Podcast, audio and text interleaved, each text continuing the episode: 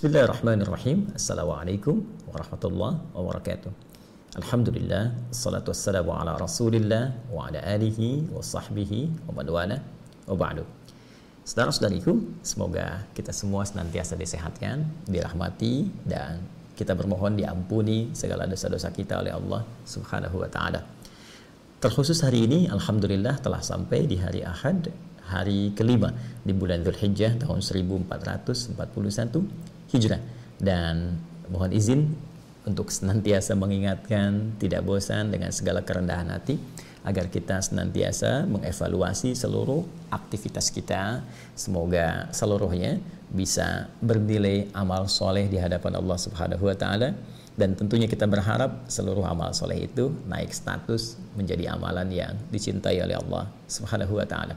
Karena itu eh, tidak bosan untuk kita mencoba mengevaluasi amalan-amalan kita ya untuk kita lihat dan mencoba untuk kita sempurnakan dari hari ke hari sehingga menjadi lebih baik dari segi kuantitas dan kualitasnya. Teman-teman terkait perjumpaan kita masih di 10 hari pertama bulan Dzulhijjah untuk berdiskusi terkait persoalan-persoalan ataupun amal-amal yang mungkin kita bisa maksimalkan di hari-hari mulia ini mengacu pada pertanyaan teman-teman dan solusi yang disampaikan oleh para ulama kita yang tersambung pada petunjuk Rasulullah Sallallahu Alaihi Wasallam. Mohon izin kita coba langsung lihat apa yang teman-teman sampaikan. Bismillah. Dari Fulan ya, uh, saya tidak perlu sebutkan namanya, kita langsung saja.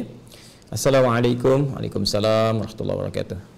Ustadz izin bertanya, apakah hukum berkorban sedangkan orang tersebut belum diakikah ketika masa kecilnya? Mohon penjelasan. Makasih Ustaz. Baik. Ya, semoga Allah rahmati saudara atau saudari kita ini beserta keluarganya dan menyertakan kita dalam uh, pemberian rahmat Allah dimaksud. Pertanyaan ini saya duga eh, juga mewakili sebagian uh, saudara-saudari kita yang punya uh, pertanyaan atau persoalan yang serupa atau boleh jadi ini pun nanti akan bercabang kepada persoalan lain seperti apakah boleh kurban disatukan dengan akikah dan hal-hal sejenis lainnya. Baik, kita coba uh, uraikan dulu dan seperti biasa kita pahami dulu dasar persoalannya sehingga pemahaman kita bisa lebih lengkap dan terukur serta dari ukuran itu bisa menunaikan amalan dimaksud dengan lebih baik ya. Ya, kita punya persoalan akikah di sini. Oke. Okay yang terkait terkorelasikan dengan kurban. Kita akan pahami dasarnya dulu dari sini, ya, sehingga nanti dari dasar pemahaman ini kita bisa lebih memahami dan menyimpulkan hukum yang disampaikan oleh para ulama kita. Satu, persoalan terkait akikah. Kita lacak dulu keterangan para ulama kita yang tersambung dengan eh, petunjuk Rasulullah SAW terkait bab akikah ini. Di antaranya kita temukan dalam kitab Sunan Abu Daud, jadi hadis riwayat Abu Daud. Ya. Rahimahullah. Nomor hadis 2838. Kita bisa temukan juga langsung kerawinya ya dari Samurah bin Jundub ya. Samurah bin Jundub radhiyallahu taala anhu tersambung pada keterangan Rasulullah sallallahu alaihi wasallam. Baik, apa keterangannya kita bacakan? Kullu gulamin. Ya, penting saya tuliskan. Ya, kullu gulamin. Rahinatun rahinatun bi'aqiqatihi. Nah, ini poinnya. Ya. Tuzbahu, keterangan kedua. Tuzbahu yauma sabi'ihi sabi'ihi ini yang penting yang keduanya kemudian wa yuhlaqu wa yusamma. Ini tambahannya. Wa yusamma. Ah ini poinnya. Kullu gulamin setiap anak itu. Nah, ini segaris ya. Setiap anak itu. Rahinatun biaqiqati. Tergadai dengan prosesi akikahnya. Bagaimana ini ditunaikan? Kapan? Tudbahu. Dengan disembelihnya. Ya hewan akikah itu yaumasabihi pada hari yang ketujuh. Ini poinnya. Oke. Okay? Wa yukhlaqu bersamaan dengan itu dicukur rambutnya bila ingin disempurnakan sampai cukur habis ya dibotaki. Wa yusamma pun demikian diberikan nama terbaik untuknya. Jadi ada tiga proses di sini. Akikah, cukur rambut, diberi nama. Baik. Terkorelasi dengan ini juga ada hadis riwayat Imam At-Tirmidzi. Ya, hadis riwayat Imam At-Tirmidzi At-Tirmidzi. Nama aslinya Muhammad, tumbuh berkembang di Tirmidz, ada yang menyebut Turmuz disebut At-Tirmidzi. Nomor hadisnya 1519. Rawinya langsung dari uh, apa namanya? suaminya Sayyidah Fatimah radhiyallahu taala anha, menantu Nabi sallallahu alaihi wasallam sekaligus juga ini jadi keponakan beliau ya Ali bin Abi Thalib. Abi Talib ya, radhiyallahu taala anhu karamahullahu wajah. Disampaikan qala aqta Rasulullah sallallahu alaihi wasallam anil hasani bisyatin Rasulullah SAW pernah melangsungkan akikah ya untuk cucu beliau Al Hasan ya pada kambing pertamanya pada kambing pertamanya beliau berkata kepada Sayyidah Aisyah jadi ada proses akikah di sini Kemudian ada proses perintah beliau kepada Sayyidah Fatimah. Ya, saya evaluasi. Beliau berkata kepada putrinya Sayyidah Fatimah radhiyallahu taala anha, apa perkataan beliau? Perhatikan kalimatnya, ahliqi cukur rambutnya wa tasaddaqi bi zinati sya'rihi bi. Kemudian bersedekahlah dengan hasil timbangan cukuran itu dengan perak yang serupa atau yang senilai dengan hasil cukuran itu dan tentunya diberi nama pada saat itu dengan Al Hasan. Jadi di sini ada akikah, ada juga uh, prosesi cukur rambut. Ini penting nanti saya sampaikan terkait dengan penafsiran waktu prosesi akikah. Teman-teman sekalian, fokus di sini. Pertama Nabi menyampaikan terkait akikah kullu gulamin. Setiap anak itu. Kata gulam biasanya dalam bahasa Arab itu dilekatkan pada anak dari mulai dia tumbuh ya e, menjelang sampai menjelang balik. Jadi belum sampai ke balik ya, belum sampai ke balik. Belum balik. Jadi kalau dia masih dalam kandungan janin, terlahir kemudian disebut maulud ya. E, Quran surah ke-2 ayat 233 ya Nabi menyampaikan sallallahu alaihi wasallam langsung firman Allah Subhanahu wa taala dari Al-Qur'an Ya apa firmannya? Wal walidatu yurdi'na auladahunna haulaini kamilaini liman arada ayyutimma radha'ah. Wa 'alal mauludi lahu. Ya, ini menunjuk kepada ayah, ayah yang baru diberikan uh, apa karunia anak disebut mauludi lahu. Ini sebagai berkah kepada orang tuanya.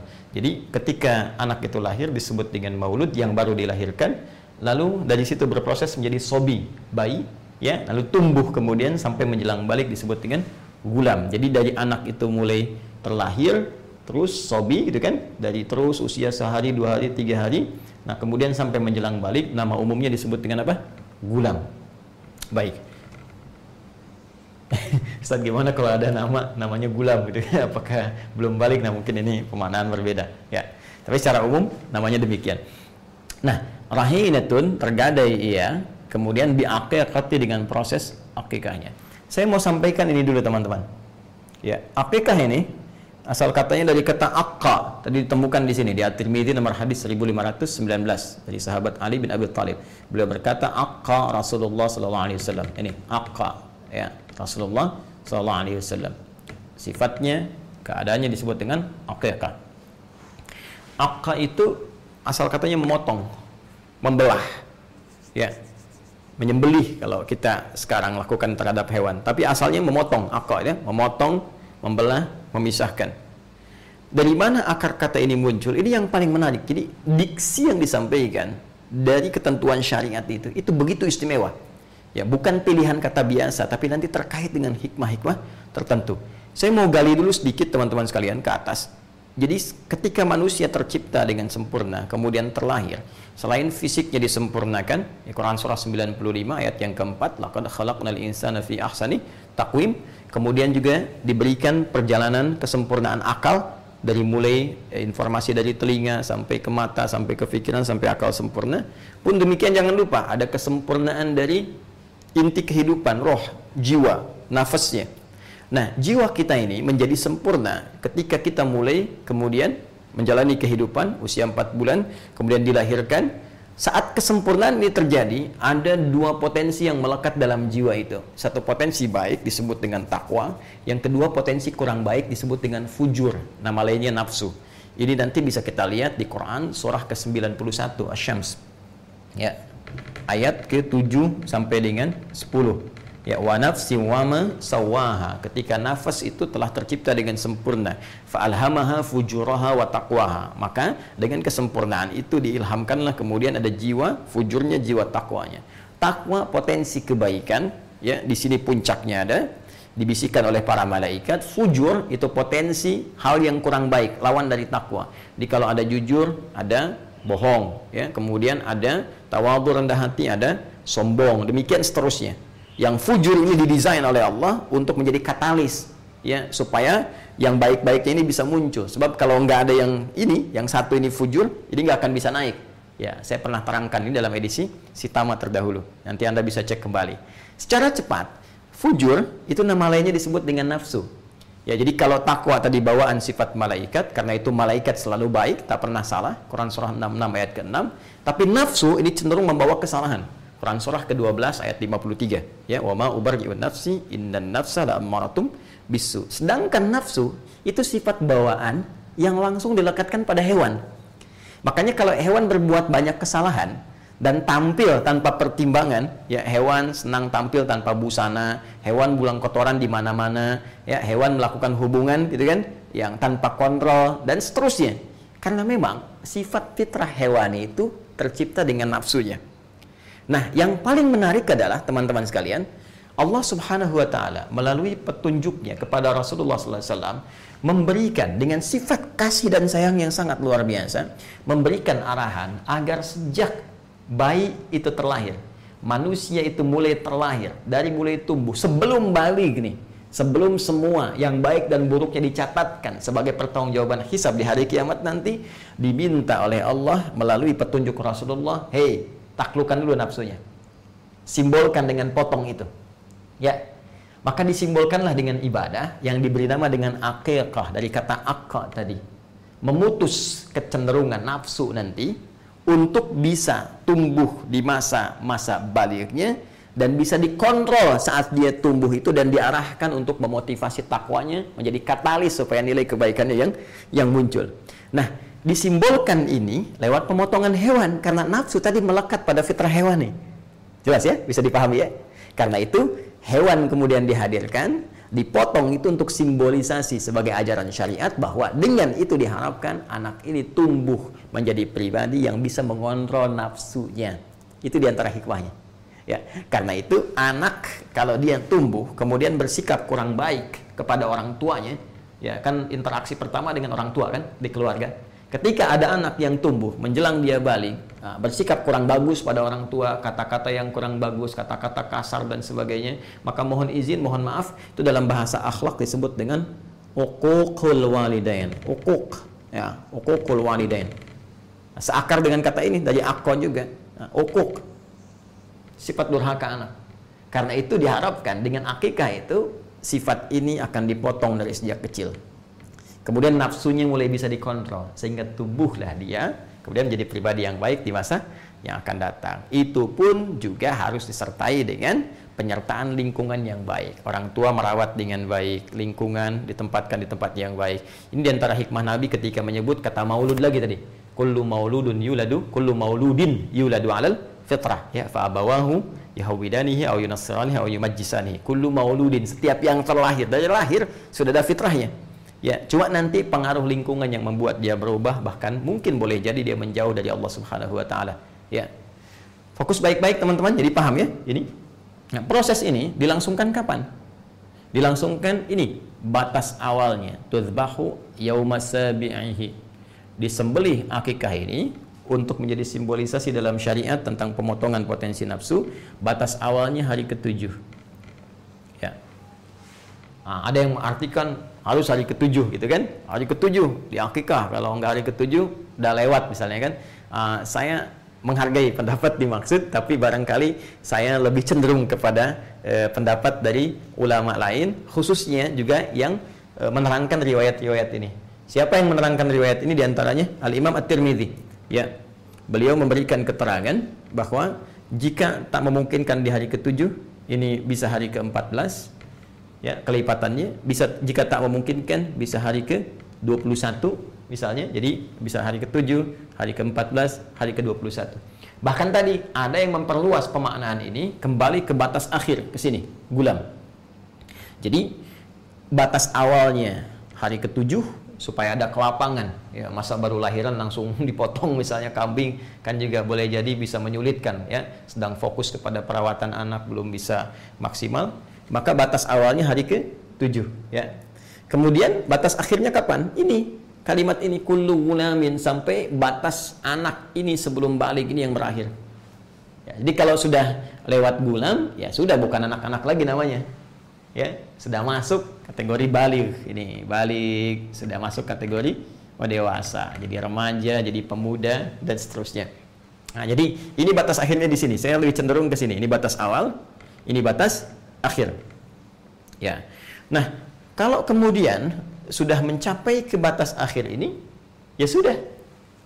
Ya, sudah tidak berlaku lagi. Kemudian hukum akikahnya. Ya, akikah itu ingat, hukumnya bukan wajib, ya. Akikah itu sunnah. Tapi ingat, jangan dipandang remeh, sunnah yang sangat ditekankan. Ya, kenapa ditekankan? Tadi karena ada hikmah penting yang terkait berkelindan di balik syariat ini. Jadi anak ini diharapkan tumbuh ya. Kalau sudah tumbuh dewasa, maka ini e, sunnahnya ini walaupun sangat muakkad ditekankan tidak berlaku lagi walaupun boleh kemudian anda ganti ini ke depan misalnya dengan sodakah boleh dengan diniatkan ini. Misalnya saya pengen sodakah saya laki-laki waktu kecil belum sempat ibu saya mengakikah ya, atau ayah saya saya setelah dewasa ingin sedekah dengan senilai akikah ini. Supaya senilai dua kambing. Boleh sah dilakukan. Ya tapi yang penting itu esensinya. Jadi akikah itu diniatkan salah satunya dengan harapan anak tumbuh jadi baik dan disertai dengan pengawasan orang tua dan menempatkan pada lingkungan yang terbaik. Jadi kalau ada anak di akikah, terus orang tuanya tidak mengikuti ya turunan dari akikah ini, ya memang di akikah kambingnya bagus-bagus, cuma ya dibawanya ke tempat-tempat yang kurang bagus. Ya, anak baru tumbuh dibawa ke diskotik misalnya, anak tumbuh dibawa ke tempat-tempat maksiat yang nggak akan nyampe kepribadian baik ini. Ya hikmahnya itu. Tapi kalau anda pun orang tua belum sempat saya akikah, tapi berharap berikhtiar, nggak ada juga. Tapi orang tuanya merawat dalam keadaan yang baik, mengajarkan Quran dan sebagainya. Sehingga ketika anak ini tumbuh dewasa, muncul kesadaran-kesadaran terbaik. Bahkan dia melihat lagi keadaan sewaktu kecilnya. Nah, ketika melihat itulah kemudian ada tumbuh nilai-nilai kebaikan, dia boleh bersodakoh. Tadi seperti yang saya sampaikan. Jadi hikmahnya ke sini teman-teman sekalian. Ini berpahala, Ya, tapi kalau lewat masanya, kemudian tentunya tidak ada lagi kesunahan yang ditekankan akikah, tapi boleh kemudian Anda niatkan untuk misalnya bersodakah dengan senilai ini. Persis seperti begini, tahajud itu kan sunnah muakkadah. Tahajud malam kan, sunnah muakkadah, bukan wajib ya, hukumnya, tapi sunnah, tapi sangat ditekankan. Karena ada banyak kemuliaan yang tidak didapatkan dalam sholat-sholat selain tahajud. Itu ada di Quran surah ke-17 ya ayat 79 sampai dengan 81 ya. Wa minal laili fatahajjad bihi nafilatan lak. Di antara sebagian malam bangun tunaikan tahajud. Nafilah ya, itu nafilah, penyerta ya, tapi penting penyerta kepada yang pokok, yang wajib diikutkan ya, sunnah hukumnya, nafilah jenisnya, tambahan. Nafilah itu tambahan. Tambahan dari yang pokok tapi penting sekali, saking pentingnya kalau bisa tunaikan. Ya, Nanti kalau ada orang sudah terbiasa tahajud, tiba-tiba malamnya nggak sempat bangun gitu. Ya, karena faktor tertentu. Besoknya, kemudian dia bangun. Ya, maka ada waktu-waktu yang kiranya sudah lewat dari tahajud, tapi besoknya masih ada. Maka e, Nabi dalam satu riwayat dan disampaikan informasi dari para ulama menyampaikan amalan-amalan yang kiranya bisa untuk untuk menggantinya. Misal dengan apa? Menambah di sholat duhanya, ya, ditambahkan jumlah bilangan rakaatnya, Ya, kalau tidak pun lewat dari bilangan duha itu sampai ke duhur kan sudah lewat dari waktu duhanya, ya. Karena dari itu dia mungkin bisa ganti dengan perbanyak sedekah, banyak baca Quran, walaupun tentunya amalan ini tidak disamakan dengan tahajud, tapi niat itu yang diukur oleh Allah Subhanahu wa taala dan kesungguhannya untuk bisa menunaikan amalan-amalan dengan baik. Dan bahagianya kita, amalan itu ditimbang, dinilai oleh Allah berdasarkan niat dan kesungguhan. Innamal a'malu bin bin niat. Kemudian tentang kesungguhan di Quran surah ketiga ayat 142. Ya am hasibtum an tadkhulul jannata walamma ya'lamillahu alladhina jahadu minkum wa ya'lamas sabirin. Untuk bisa bekal ke surga itu Allah akan melihat kesungguhan kita dalam menunaikan amalan-amalan. Nah, ini poinnya ya. Jadi dari sini bisa terjawab kalau sudah dewasa maka tadi ya tidak harus Anda berpikir untuk akikah lagi, tapi Anda boleh kemudian memikirkan, merencanakan, berikhtiar untuk sedekah, ya. Nah, seperti ini, jelas. Dan uh, sedekah yang paling bagus, ya di antaranya waktu-waktu seperti ini bisa memperbanyak infak atau anda alihkan kepada kurban tadi, ya kurban, kurban, teman-teman sekalian ini poinnya. Ya, sudah kalau tadi mau spesifik, niatkan sedekah saja. Dan sedekah untuk uh, apa? Dulu akikah saya yang belum sempat terlaksanakan. Ya.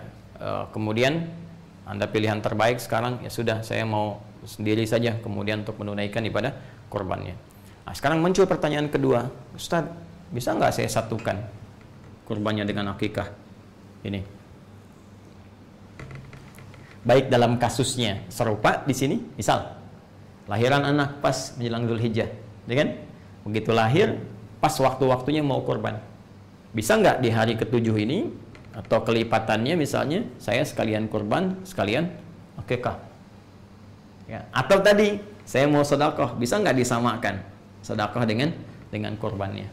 Nah di sini para ulama terbagi pada dua pendapat utama. Yang pertama, teman-teman sekalian, ada di kitab musannafnya Ibnu Abi Syaibah. Ya, musannaf musannaf Ibnu Abi Syaibah. Ya. Itu keterangan bahwa pendapat pertama diwakili oleh kalangan madhab Hanafi, kemudian Hambali, juga ada juga pendapat dari uh, Imam Al Hasan Al Basri ya Hasan Al Basri juga ada tambahan dari Ibnu Sirin. Ya. Yang cenderung pada pendapat bolehnya menyatukan dua ibadah ini ya dengan satu pelaksanaan.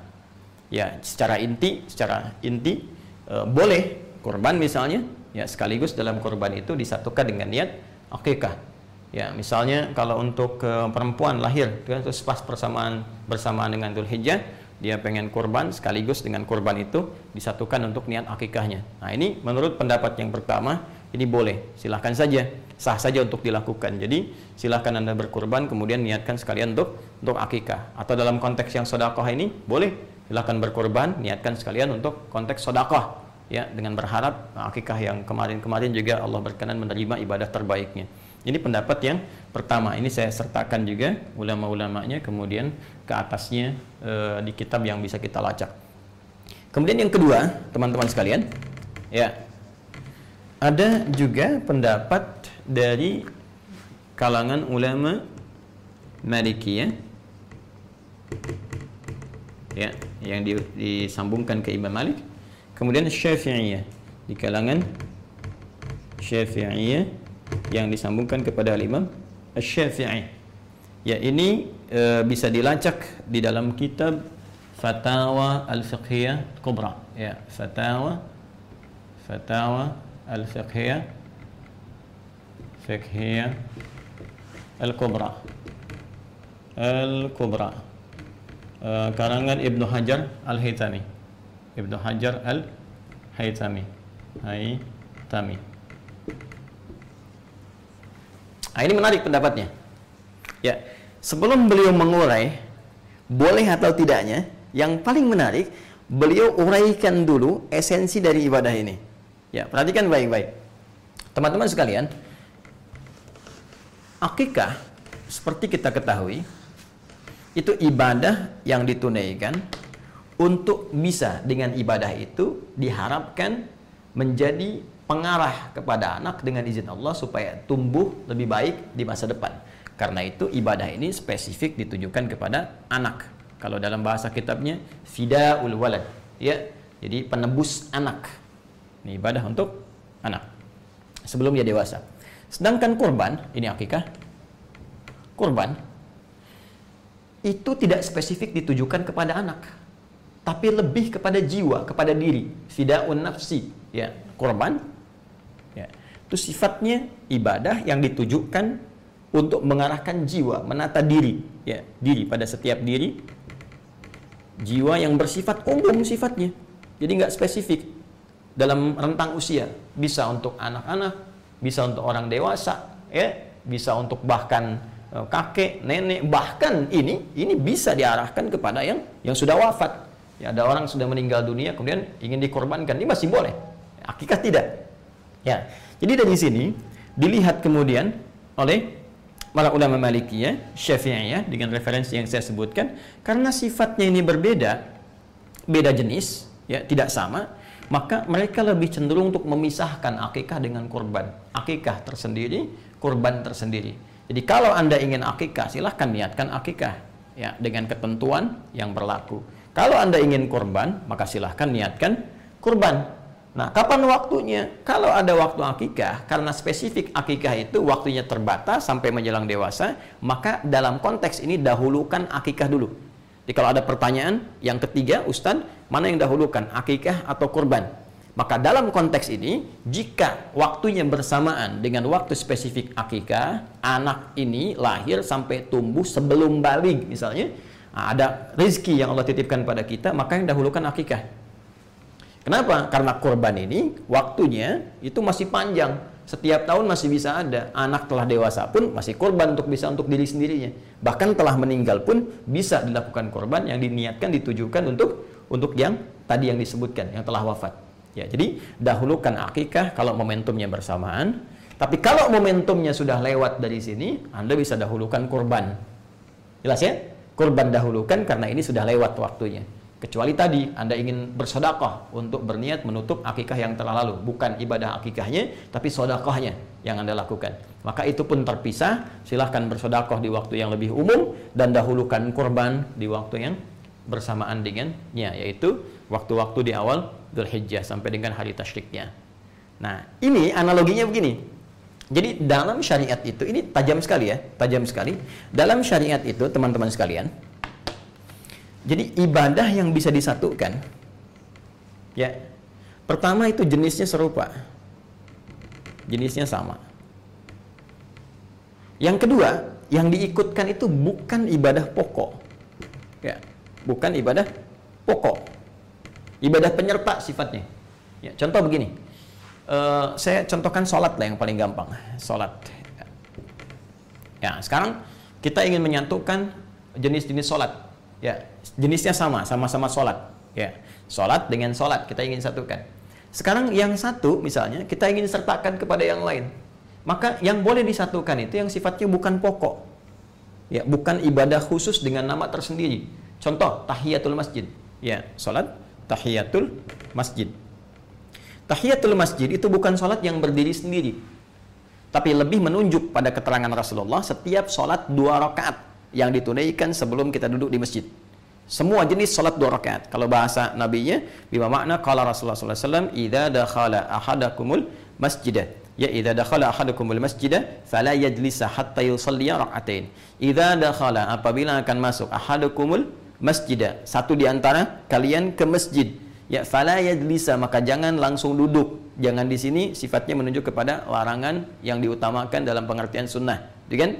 ya hatta yusalli rakaatain sampai dia salat dua rakaat ya jadi salat dulu dua rakaat kemudian baru dia duduk untuk i'tikaf ini sifatnya sunnah ya artinya dalam keadaan terdesak pun dia kemudian mesti duduk langsung duduk saja jangan dipaksakan kemudian sunnah menghambat kepada sesuatu yang lebih utama contoh dalam kasus khutbah Jumat Ini banyak saya temukan uh, khatib sudah naik ke atas mimbar bahkan tengah-tengah khutbah orang datang terlambat terus maksa masuk ke dalam masih tahiyatul masjid.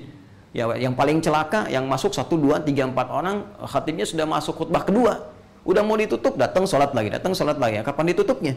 Ya karena itu dalam madhab maliki kalau sudah khatib naik ke atas mimbar ini tidak dianjurkan tahiyatul masjid langsung duduk ya kecuali dalam kondisi tertentu ya kasusnya seperti Sulaik al ghatafani di zaman Nabi SAW yang ingin dikenalkan kepada jamaah bahwa ini ada orang baru bukan orang Madinah yang butuh bantuan. Karena itu beliau tunjuk untuk sholat. Ya sedangkan beliau masih menunaikan khutbah. Ini pembahasan lain nanti ya supaya tidak melebar.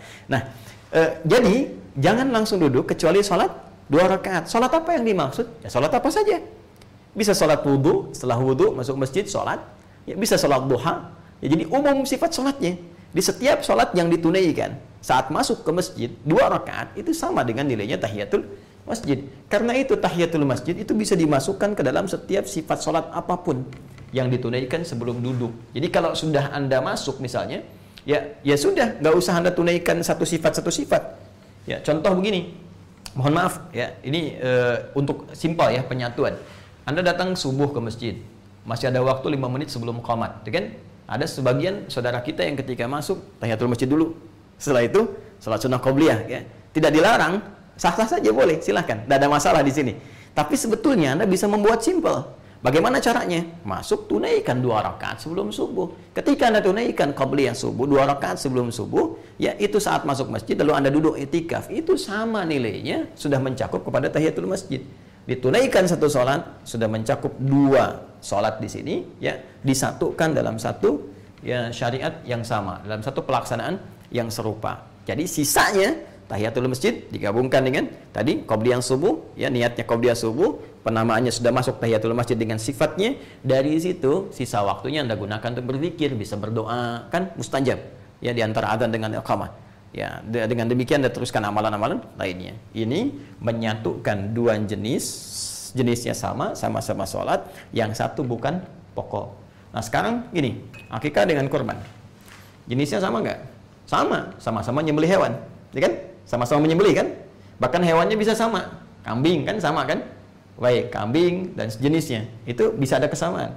Cuma sekarang, apakah yang satu pokok, yang satu bukan, atau dua-duanya pokok? Satu ibadah yang terpisah. Nah, ternyata setelah diteliti, ini dua-duanya menjadi pokok dan dua ibadah yang terpisah. Kurban-kurban, akikah-akikah. Bahkan batasnya tertentu. Akikah punya batas, kurban juga punya waktu tertentu yang boleh jadi tidak sama dengan batas akikah. Karena ketidaksamaan ini, maka ulama Malikiyah, Syafi'iyah, tadi yang disampaikan dalam Fatwa Al-Fiqh Al-Kubra, kayak Syekh Ibnu Hajar Al-Hitami mengatakan lebih cenderung untuk dipisahkan Ya, dengan waktu-waktu tertentu seperti tadi uraian telah saya sampaikan. Ya, Syekh Utsaimin di sini cukup bagus ulama kontemporer. Uh, beliau telah wafat dan kita doakan semoga beliau dirahmati dan merahmati seluruh ulama-ulama lainnya. Saya sebut Syekh Utsaimin untuk mencontohkan sikap ini loh yang tadi. Beliau itu kan Hambali, jadi pengikut di mazhab Imam Ahmad bin Hambal. Kemudian juga uh, salah satu ulama yang uh, sangat istimewa di uh, apa namanya?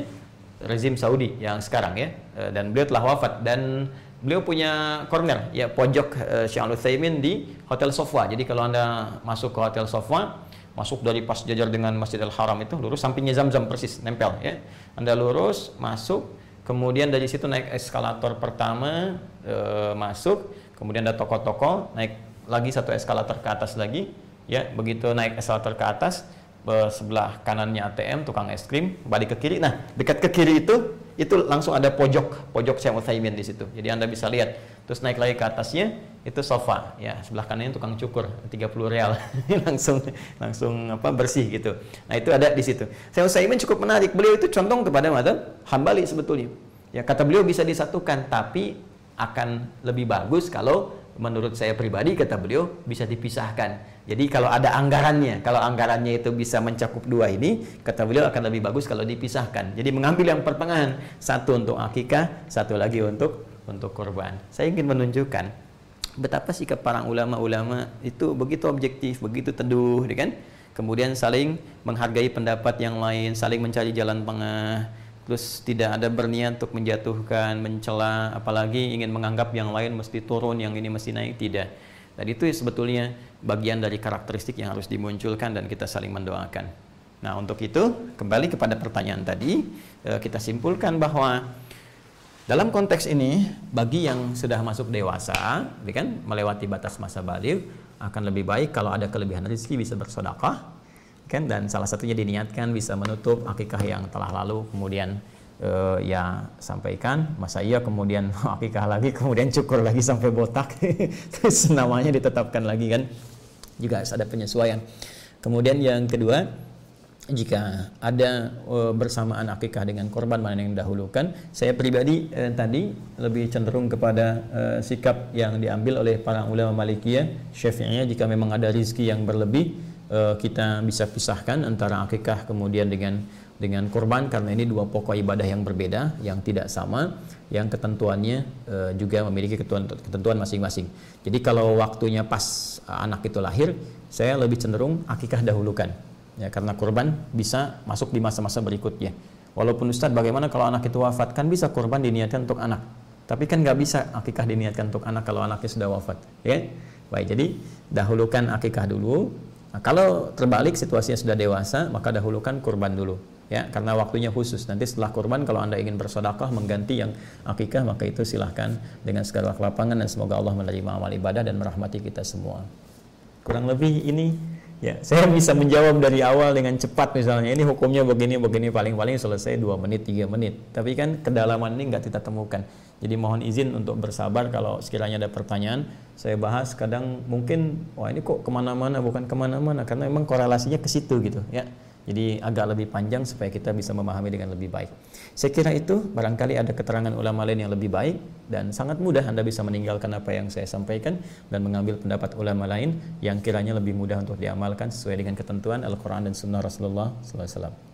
Demikian teman-teman sekalian, semoga bermanfaat. Ya, semoga Allah memberikan taufik. Subhanakallahumma bihamdika asyhadu an la ilaha illa anta astaghfiruka wa atubu ilaik wa akhiru da'wana alhamdulillahirabbil alamin. Assalamualaikum warahmatullahi wabarakatuh.